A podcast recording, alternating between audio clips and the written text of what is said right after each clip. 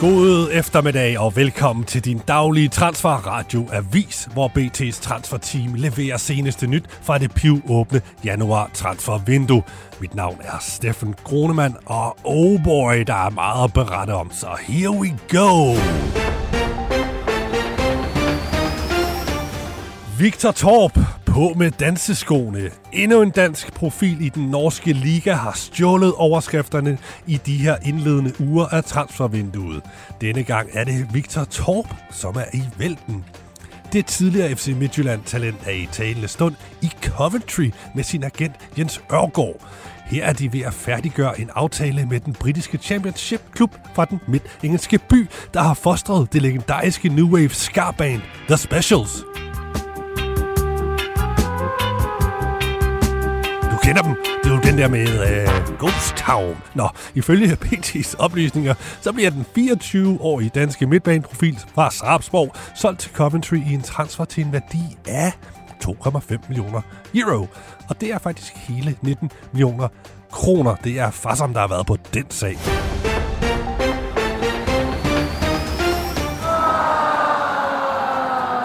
Dette er lyden af 33.658 FCK-fans, der kollektivt ånder lettet op og eller får en mindre orgasme. Hm, nå.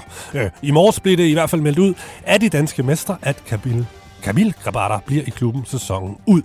Ved midnat der løb Wolfsburgs deadline ud i forhold til at hente stjernemålmanden allerede her i januar. I stedet skifter Grabada først til Bundesliga-klubben til sommer, når sæsonen er færdig spillet. BT's transferhulk fra som Abolosaini, han kan lige øh, tilføje her. Øh, det kan tilføjes i den øh, omtalte saga om Grabatas fremtid, at der på intet tidspunkt denne vinter har været dialog mellem FC København og Wolfsburg om, at han skulle rykke til Tyskland allerede nu. Det har hele tiden været forventningen, at skiftet først skal ske til sommer. Og det er jo godt nyt for ikke bare FCK-fans, men også for internettrolde med hang til FC Midtjylland. De kan nu fortsætte deres jagt efter FCK TikTok-indhold, som de dagligt kan poste på Twitter frem til sommer. Og det er sgu ret labert content. Watch FCK vs Dortmund at Parken here in Copenhagen. I took the ultimate fan picture and then made my way to the seats. This is a Champions League game, so it was a big deal, and it is such a great atmosphere here in Parken. Og apropos FC Midtjylland, så har det ambitiøse midtjyske fodboldforetagende netop officielt vist deres nye stærke mand på heden frem. I går kom det nemlig frem, at den sportslige ledelse, som er Superligaens hjerne, hjerte og sjæl, bliver forstærket med et velkendt fodboldansigt – Ebbe Sands tvillingbror Peter med en fortid som spiller i netop FC Midtjylland er sat ind som sportsdirektør. Det er altså ham, der fremover får ansvar for køb og salg af spillere. Det medfører en række rokader i ledelsen, hvor Sushi Svend Graversen blandt andet får en chance i rollen som Director of International Affairs and Academies, hvor han skal hjælpe ulvene med at vokse til nye højder i det store udland om ansættelsen af den ingeniøruddannede Peter Sand, som kommer fra en stilling i Lego, altså kommer fra en stilling i Lego i Bilund. Altså, hvor meget midtjysk DNA kan man have indkapslet i en mand? Nå, men om, om, om ansættelsen af Peter Sand, øh, som er utrolig god med øh, tal og data, der siger FCM Big Bossen Claus Steinlein. Hvad skal vi med Ebbe Sand? Ebbe Sand? Ebbe Sand? Hvad skal vi med Ebbe Sand? Vi har Peter. Og vi bliver på ledelsesgangene, men rykker en smule sydpå til den smukke Vejleegn for der er i den grad uler i mosen i Nørreskoven.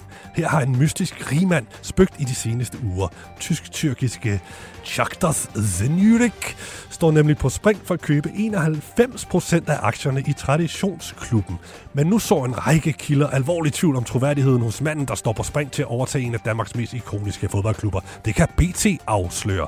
Den kielbosiddende forretningsmand hævder, at han har arbejdet 25 år i Deutsche Bank, heriblandt i en lederstilling som Head of Operations.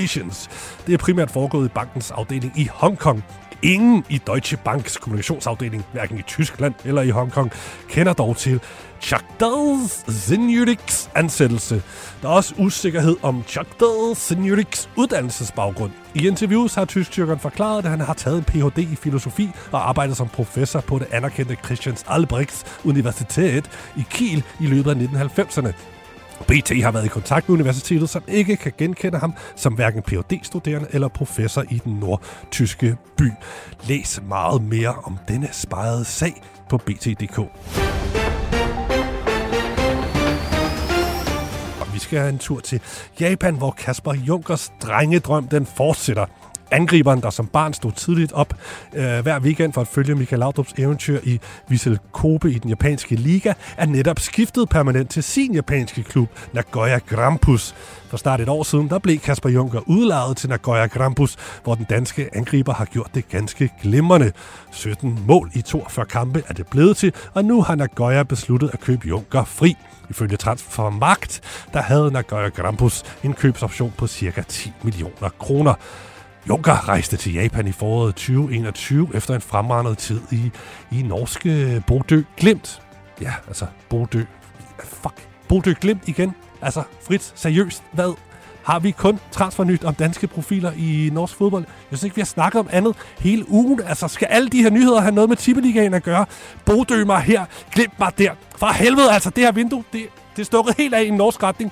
Giv os nu nogle fucking transferbangers ude i Brøndby. FCK, FC Midtjylland, hvad har I gang i? Ligger I og sover? Vestrøm, for helvede, brug nu mange nu af jeres mange millioner. Og Nordsjælland, I kan sgu ikke fedt spille det længere. Jeg gider ikke høre mere om de her sportsdirektører, ejere og, og bestyrelsesformand. Jeg vil have transfers. Jeg er ude. Jeg gider ikke. Har vi øh, transfernyt igen i morgen? Kører vi det? Ja, okay, fint. Jamen, så må vi håbe, der er noget bedre. Hey!